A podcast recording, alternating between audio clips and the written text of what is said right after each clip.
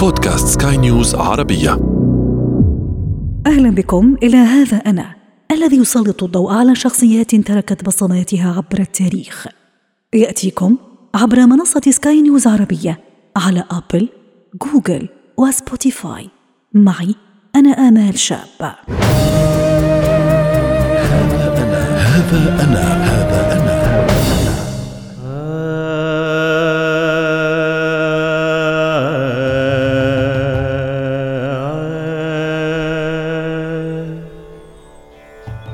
بلدة أمبداوي الهندية. إننا في عام 1891 أما شهر أبريل فبلغ يومه الرابع عشر. لقد ولد أمبيدكار رامجي مالوجي ساكبال تمر الأيام ويكبر أمبيدكار وسط أسرة هندوسية تنتمي إلى طبقة الداليت. والداليت طبقة منبوذة ومضطهدة لا تملك حقوقا كغيرها من أفراد المجتمع الهندي. أمبتكار يلتحق بالمدرسة كغيره من أقرانه ولأنه من الداليت فإن المعاملة لن تكون كأقرانه.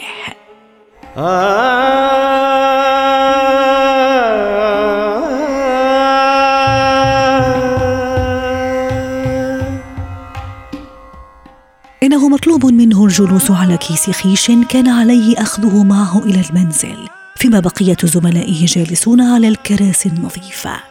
في هذه المدرسة الطبقية المقيتة تضرب عرض الحائط بكل المبادئ والقيم التي عادة ما يستقيها الأطفال في هذه السن. يجبر أمبتكار كغيره من بقية التلاميذ الذين ينتمون إلى الدليت على شرب الماء بطريقة مهينة.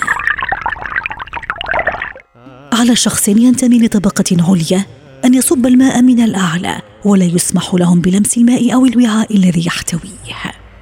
إنها لعنة الداليت التي تطارده كما بقية الأفراد الذين ينتمون لها.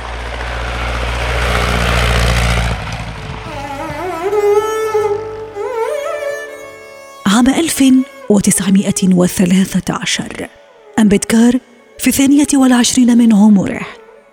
قاصدا الضفة الأخرى من العالم الشاب أمبدكار يشد الرحال إلى الولايات المتحدة. لقد تخصص في الاقتصاد ونال شهادة الماجستير فيه. قبل أن يعكف على العمل على الدكتوراه. إننا في عام 1918 من جديد أمبدكار في بومبي لقد أصبح أستاذا للاقتصاد السياسي في كلية سيدنهام للتجارة والاقتصاد. من جديد الطبقية تطل برأسها. بعض زملائه الأساتذة في الجامعة يرفضون مشاركته لهم إبريق ماء الشرب. أي إثم ذلك الذي يرتكبه بعض البشر عندما يجدون أنفسهم في معركة بائسة وقودها طبقية وضيعة لا تسمن ولا تغني من جوع؟ مزاولا مهنة القانون في محكمة بومباي العليا أمبتكار يدعو لتعزيز تعليم الداليت وإعطائهم حقوقهم. إنه يكتب مجموعة منفصلة من التوصيات التي سيتضمنها الدستور الهندي لاحقاً. إننا في عام 1927 أمبتكار يطلق حركات نشطة ضد النبذ قبل أن يدخل في صراع من أجل الحق في دخول الداليت المعابد الهندوسية. عام 1935 أمبتكار يعين مديرا لكلية القانون الحكومية في بومباي وهو المنصب الذي شغله لمدة عامين. إننا في شهر أكتوبر أمبتكار يتخذ قرارا صادما. لقد أعلن تحوله إلى البوذية متهما الهندوسية بأنها أساس النظام الطبقي. اتهامات جعلته مثار جدل وامتعاض في أوساط الهندوس التقليديين. أمبتكار المصلح الاجتماعي والسياسي ذو التأثير العميق على الهند يعين كأول وزير قانون في الهند ما بعد الاستقلال ورئيسا للجنة صياغة الدستور الهندي.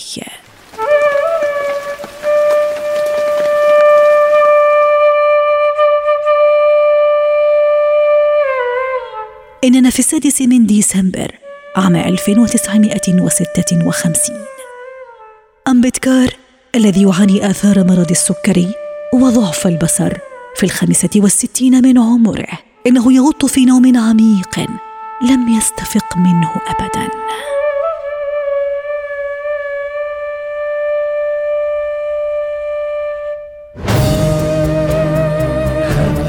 هذا أنا. هذه الحلقة من هذا أنا.